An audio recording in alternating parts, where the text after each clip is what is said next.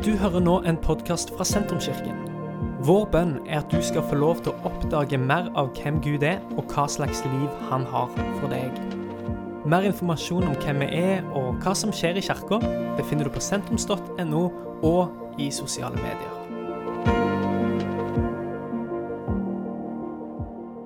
Jeg heter Solveig Hegdal, en av eh, pastorene i Sentrumskirka. Og eh, skal få lov til å dele Guds ord med oss denne formiddagen. Og eh, ah, det Jeg kjente det litt kjipt å være voksen akkurat nå. Er, er det noen som kjenner på det? Ja! Så den stemninga som gikk ut her. Men her er vi, da. Voksne. Og jeg skal håpe vi òg får eh, en fin eh, time sammen. Er Sikker på at det blir knallkjekt i barnekirka i dag, i alle fall. Yes. Um, du, denne måneden her så har vi snakka om eh, nærvær. Og eh, vi har snakka om det å eh, praktisere Guds nærvær. Om eh, kraften i å legge hendene på hverandre og be for hverandre. Eh, om hva som kan skje når Den hellige ånd fyller oss. Eh, og vi har snakka om både Guds generelle nærvær, som er konstant og til stede hele tida, og det spesielle nærværet av Gud, der vi opplever at Gud kommer og berører oss og griper inn i en konkret situasjon eller et øyeblikk. Eh, og Jeg skal få lov til å avslutte denne serien i dag. Og jeg skal snakke om de sesongene eller de dagene der Gud oppleves eller føles fjern. Eh, og når han virker borte, og det at han er nær, er alt annet enn eh, ja, Det er i hvert fall ikke lett å forholde seg til alltid. Og hvis vi er ærlige, eh, og jeg sier vi fordi at oss pastorer er ingen unntak, selv om noen kanskje tror det, eh, så er det sånn at vi alle sammen fra tid til annen eh, noen mer enn andre, kanskje, men opplever at Gud, eller føler at Gud er fjern, at han er borte. Eh, at han eh, er vanskelig å få tak på. Eh, for to år siden så ga lederen for Ungdom i oppdrag i Norge, Andreas Nordli, han ga ut en bok som heter 'Når Gud er taus'. Og Det er kanskje sånn det oppleves noen ganger, at Gud er taus. Og hvordan forholder vi oss til det? Um, og Nå tror ikke jeg at jeg kommer til å klare å besvare alle spørsmål knytta til dette på den neste halvtimen. Uh, men det jeg håper, og det som jeg uh, vi har lyst til uh, denne søndagen, er at vi alle sammen kan få lov til å hvile i og stole på Guds nærvær. Uansett hvordan det føles eller oppleves. Men at vi alle kan få lov til å sitte igjen med at vet du hva? Guds nærvær er noen ting jeg kan hvile i, og det kan jeg stole på. Og Jeg har lyst til å begynne med å lese en salme fra Bibelen som er skrevet av kong David. Eh, og Den salmen har jeg lyst til å lese igjen på slutten av talen. Eh, og Jeg leser nå, så kan den få lov til å ligge der som et bakteppe. Og det er fra Salme 139. Der står det Herre, du ransaker meg, og du vet. Du vet om jeg sitter eller står. På lang avstand kjenner du mine tanker. Om jeg går eller ligger, ser du det. Du kjenner alle mine veier. Før jeg har et ord på tungen, Herre, kjenner du det fullt ut. Bakfra og forfra omgir du meg. Du har lagt din hånd på meg. Det er et under jeg ikke forstår. Det er så høyt at jeg ikke kan fatte det. Hvor skulle jeg kunne gå fra din pust? Hvor kunne jeg flykte fra ditt ansikt? Stiger jeg opp til himmelen, er du der. Legger jeg meg i dødsriket, er du der. Tar jeg soloppgangens vinger og slår meg ned der havet ender, da fører din hånd meg også der. Din høyre hånd holder meg fast. Jeg kan si, la mørket skjule meg, og lyset omkring meg bli natt. Men mørket er ikke mørkt for deg. Natten er lys som dagen, mørket er som lyset. For du har skapt mine nyrer, du har vevd meg i mors liv. Jeg takker deg for at jeg er så underfullt laget. Underfulle er dine verk, det vet jeg godt. Knoklene mine var ikke skjult for deg da jeg ble laget på hemmelig vis og vevd dypt i jorden. Dine øyne så meg da jeg var et foster. Alle dager er skrevet opp i din bok. De fikk form før en av dem var kommet. Dine tanker, Gud, er dyrebare for meg. Summen av dem er ufattelig. Teller jeg dem, er de talløse som sand. Men blir jeg ferdig, er jeg ennå hos deg. Gud, jeg takker deg fordi at eh, du er her. Takk for at du kjenner oss, og du vet alt om oss. Og Jeg ber om at denne søndagen skal være en sånn søndag hvor vi bare kan få på nytt bare oppdage og stole på ditt nærvær. Og bare se at uansett hvor vi er og hva vi holder på med, så er vi enda hos deg.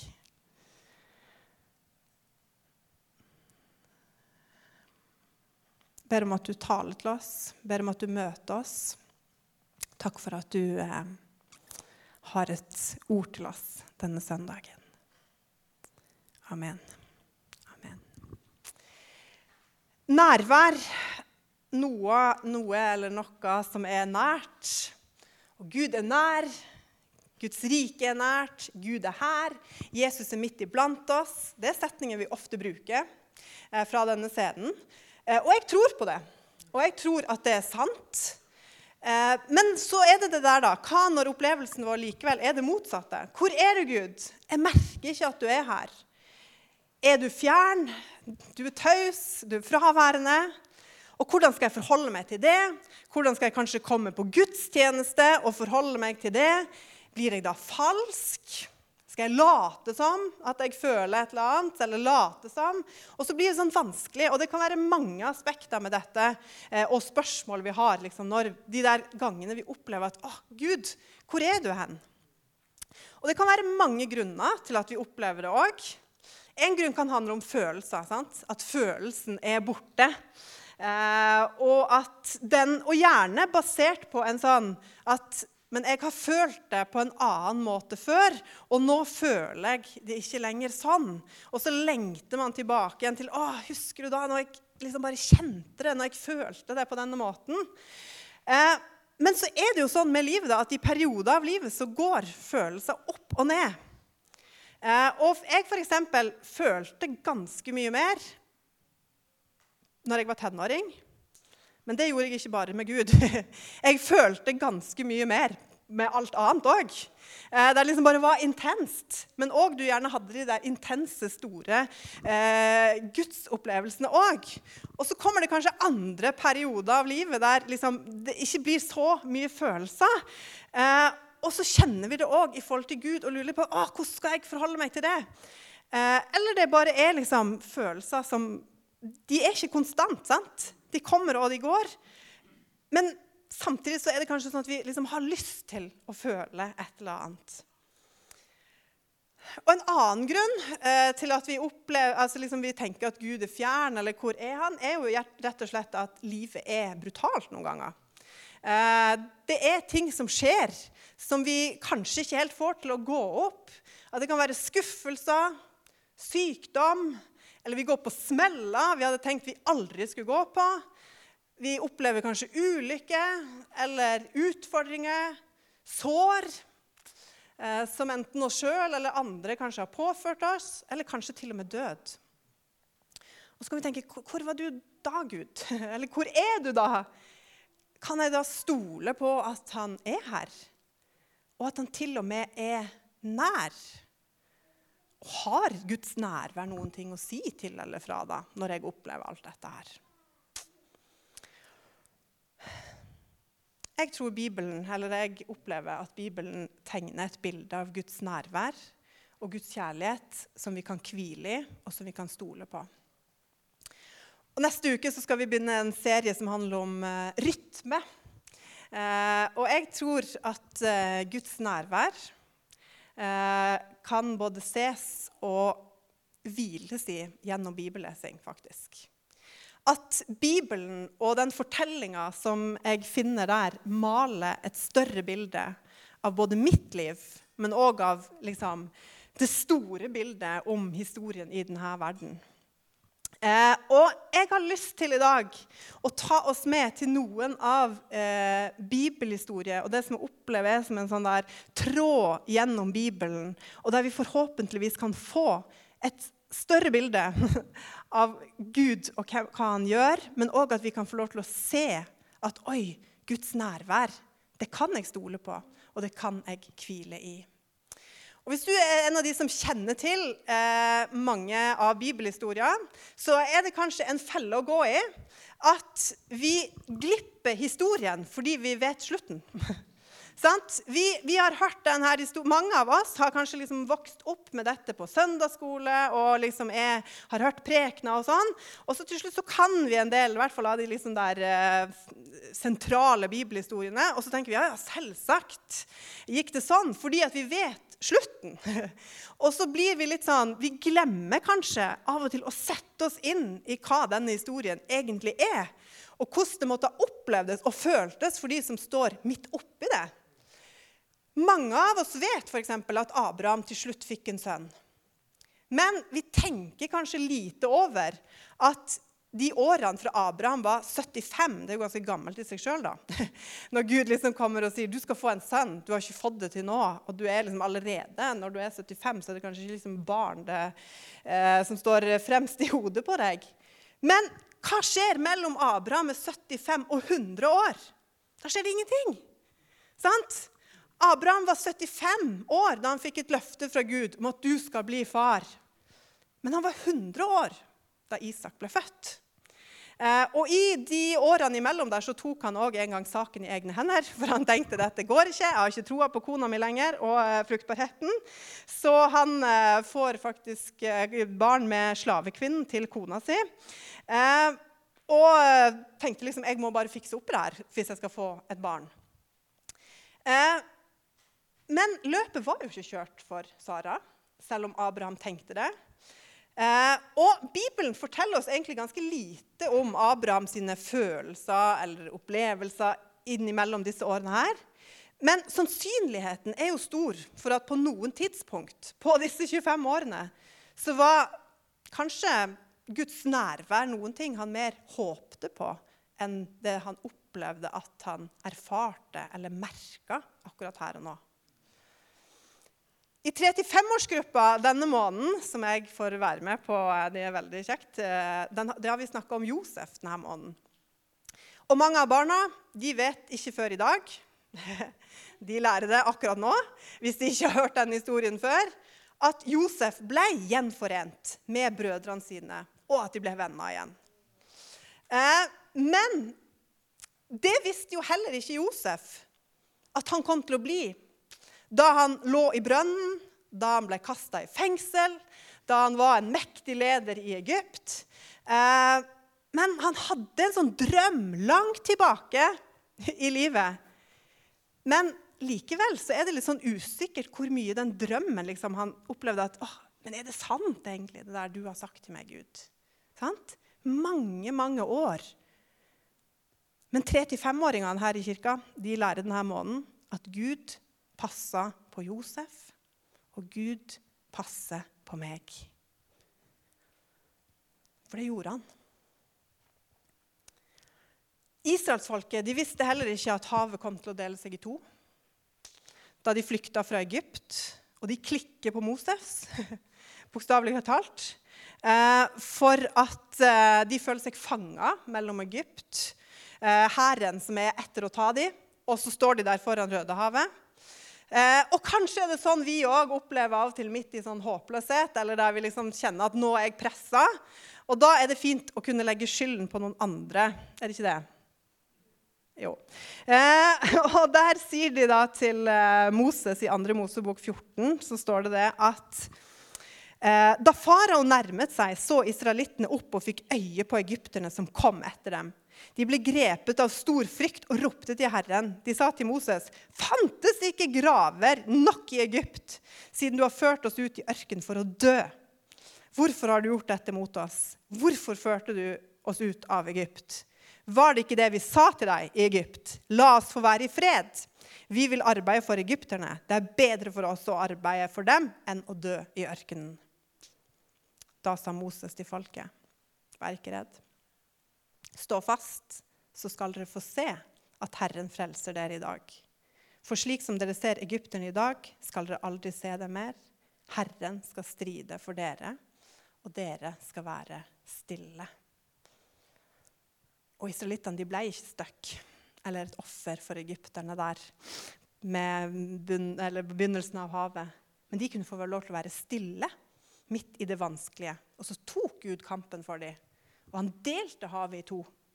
Han holdt bølgene tilbake og lot hele gjengen gå over før han lukka havet igjen. Og de kom ut på den andre sida, og de var fri. Og hvis, du, eh, hvis historiene jeg har nevnt nå, er heller ukjente for deg, så beklager jeg nå at jeg har røpt slutten. Eh, men eh, du kan glede deg eh, til å gå inn i disse historiene. Jeg har lyst til å utfordre oss når vi leser bibelhistorier, til å ikke bare ta som en selvfølge det som skjer, men å faktisk si at oi, hva skjer med disse folkene her? Og hva forteller det om Guds nærvær, som bare er til stede, og som virker, og der han holder de løftene han har lova? Så mange løfter, men så mye som tar tid. Mange som til slutt ikke har tid å vente. Men han er der. Han er nær, og han virker. Og Det er jo historien i Det gamle testamentet. det, kunne jo, Jeg kunne jo stått her eh, i hele dag og fortalt forskjellige historier, men det har vi jo ikke tid til.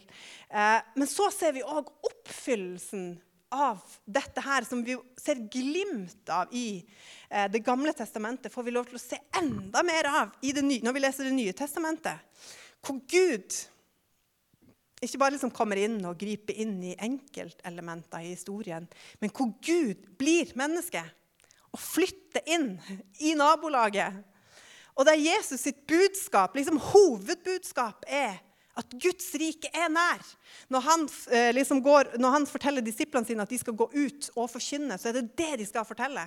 Guds rike er nært. Gud er nær. Det er her. Det skal dere gå og formidle og fortelle til folk. Og Så skjer det to sånne avgjørende hendelser som vi kan lese om på slutten i evangeliene.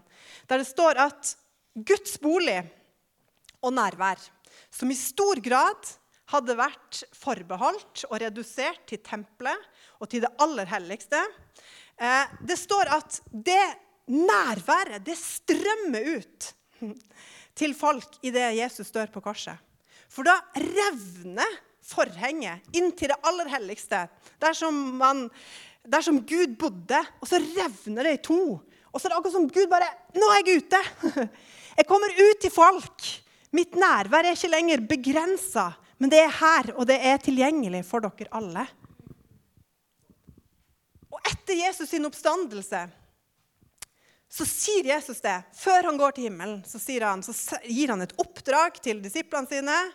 Og så avslutter han med å si Og se, jeg er med dere alle dager inntil verdens ende. Med andre ord, dere skal aldri være alene. Jeg er med hver eneste dag inntil verdens ende. Og så gjorde han sånn som Thomas eh, fortalte om sist søndag, og så pusta han på dem. Og så han, 'Ta imot min hellige ånd'. Og på pinsedag så oppfylles et av løftene som vi har lest i Det gamle testamentet, der Gud sier at en dag så skal jeg øse ut min ånd over alle mennesker. Og det gjør han den, den pinsedagen. Så er det som Hellig ånd bare sendes fra himmelen og øses ut over folk. Og da skjer det. Og Den hellige ånd har bodd i mennesker siden. Bibelen er en fortelling om Guds nærvær. Så hva skal vi gjøre, da? Kanskje så trenger vi en forstørre forståelse av hvem Gud er, hvor han er, og hva han gjør. At våre egne forestillinger de går ikke alltid helt opp. Men jeg har lyst til å utfordre oss til i dag. og La oss ta til oss Guds og Bibelens gjentagende budskap om Guds nærvær. At vi kan hvile i det og stole på at det er sant. Og da ikke bli så stressa alltid av at Oi, nå føler jeg det ikke. Men at vi kan vite likevel at Men Gud, du har lovt å være til stede.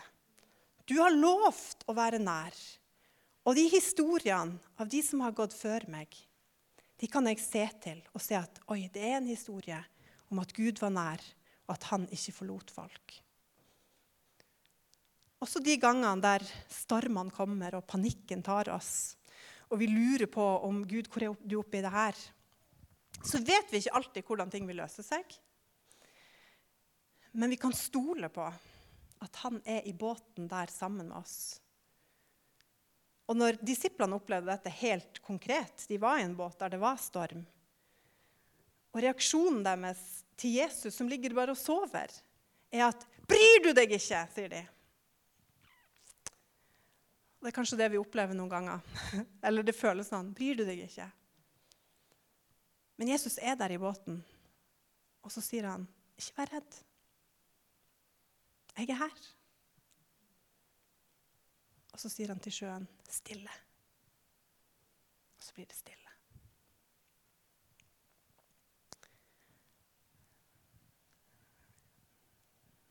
Jeg er her.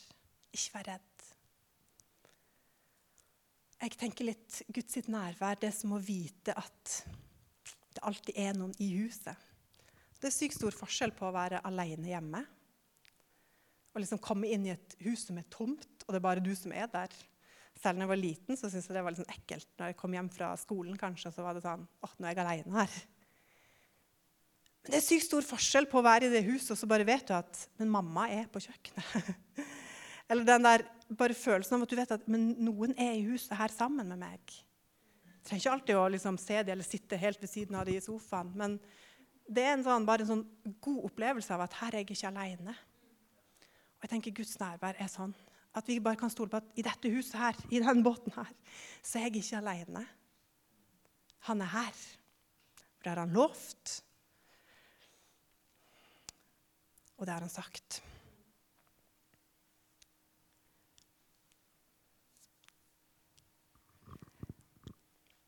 Til eh, konfirmasjonen min så fikk jeg denne her av fadderne mine. Um, det er en jente som er plassert trygt inni noen hender. Og jeg husker talen de hadde i konfirmasjonen min, eh, der de sa at dette er Guds hender. Du er inni de, og i de hendene så kan du få lov til å stole på at uh, der kan du få lov til å leve livet ditt. Jeg har hatt med meg denne her figuren overalt etterpå. På hybler, i leilighet, i hus, overalt der jeg har eh, bodd.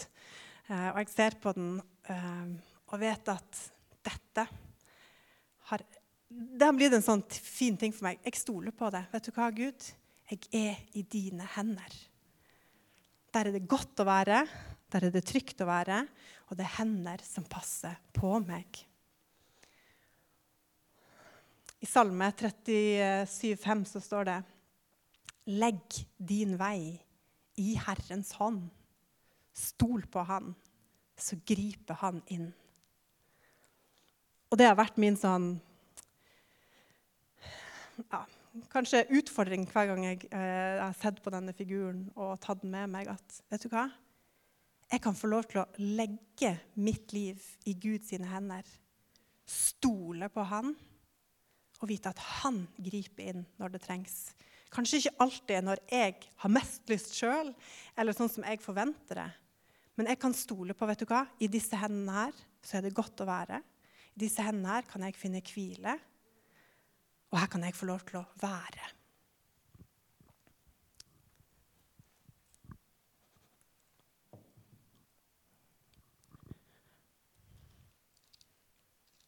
Skal vi lese Salme 139 en gang til.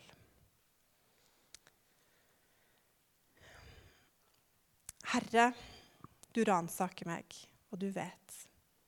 Du vet om jeg sitter eller står. På lang avstand kjenner du mine tanker.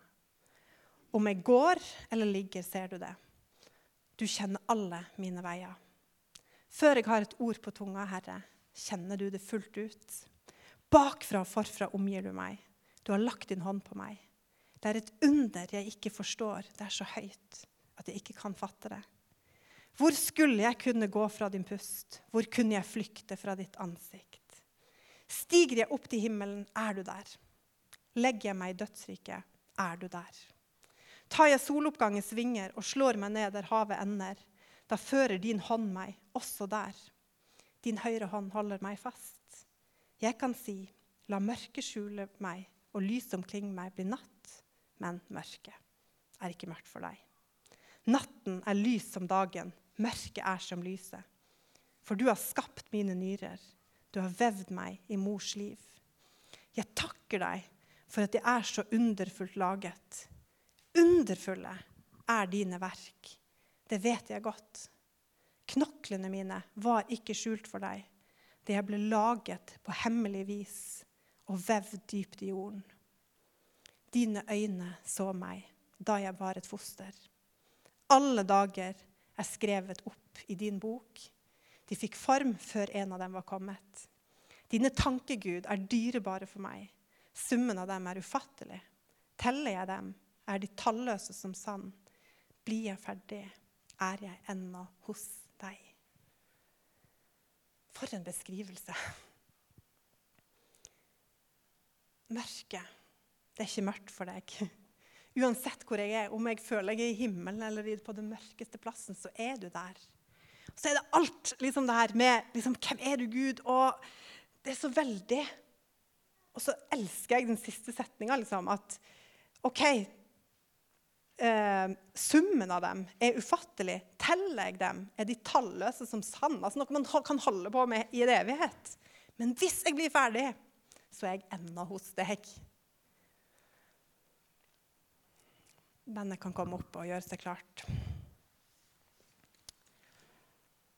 Du skal få en eh, gammeltestament-historie uh, til sånn helt på slutten her.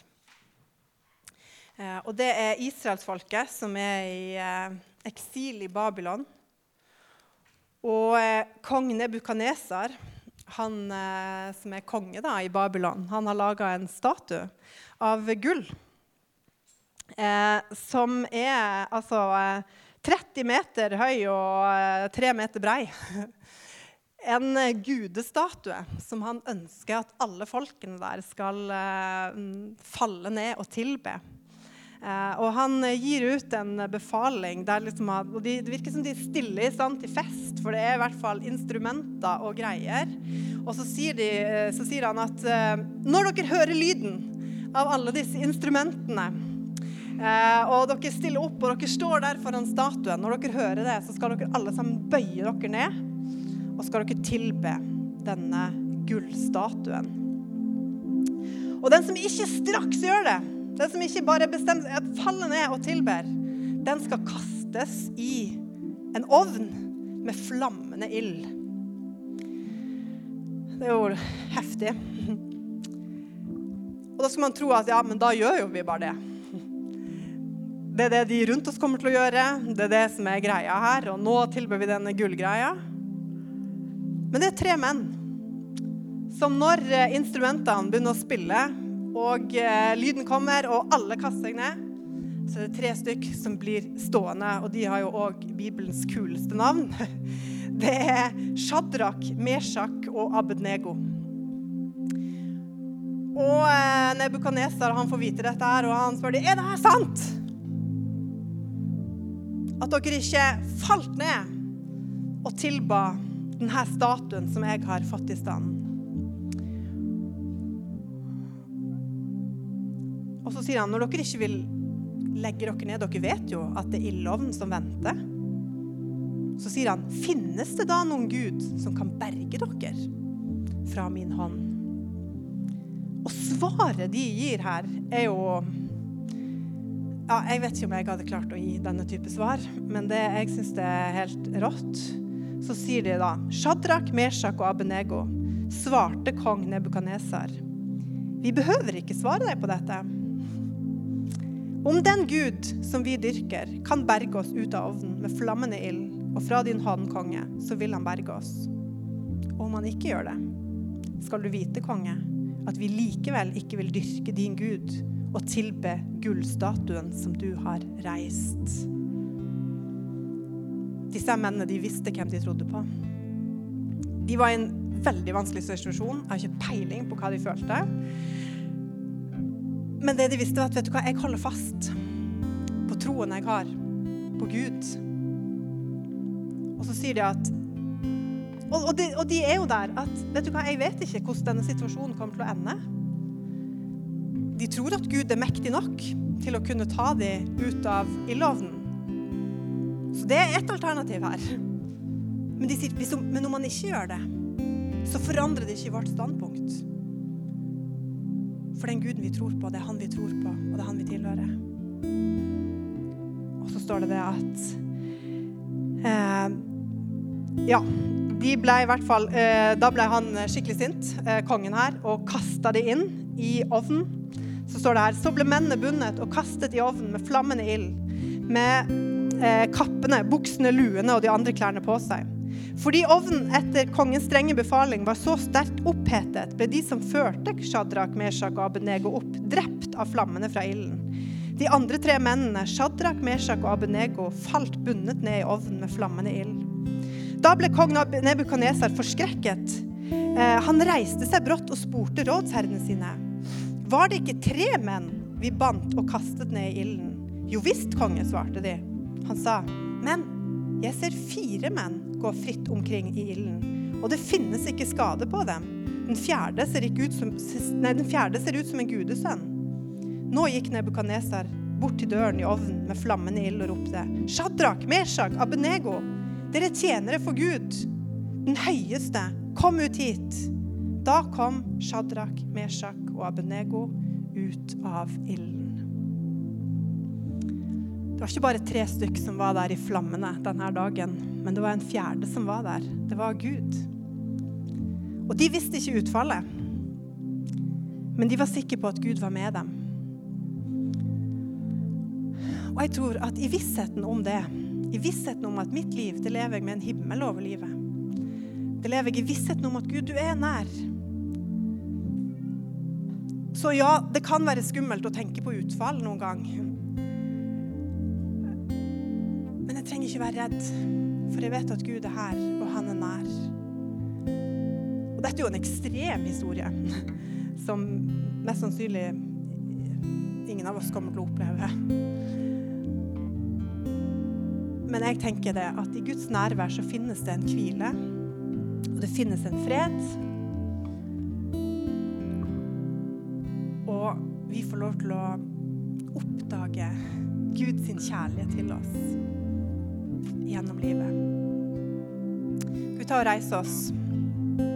Skal vi synge en sang som eh, henviser til den historien eller flere av historiene jeg har delt i dag. Og jeg har ikke peiling på hvordan du kom inn her denne søndagen. Men jeg har lyst til å utfordre oss til å alle sammen plassere oss inn i Guds hender. At vi kan få lov til å legge livet vårt i Guds hånd og stole på Han, og at Han da virker.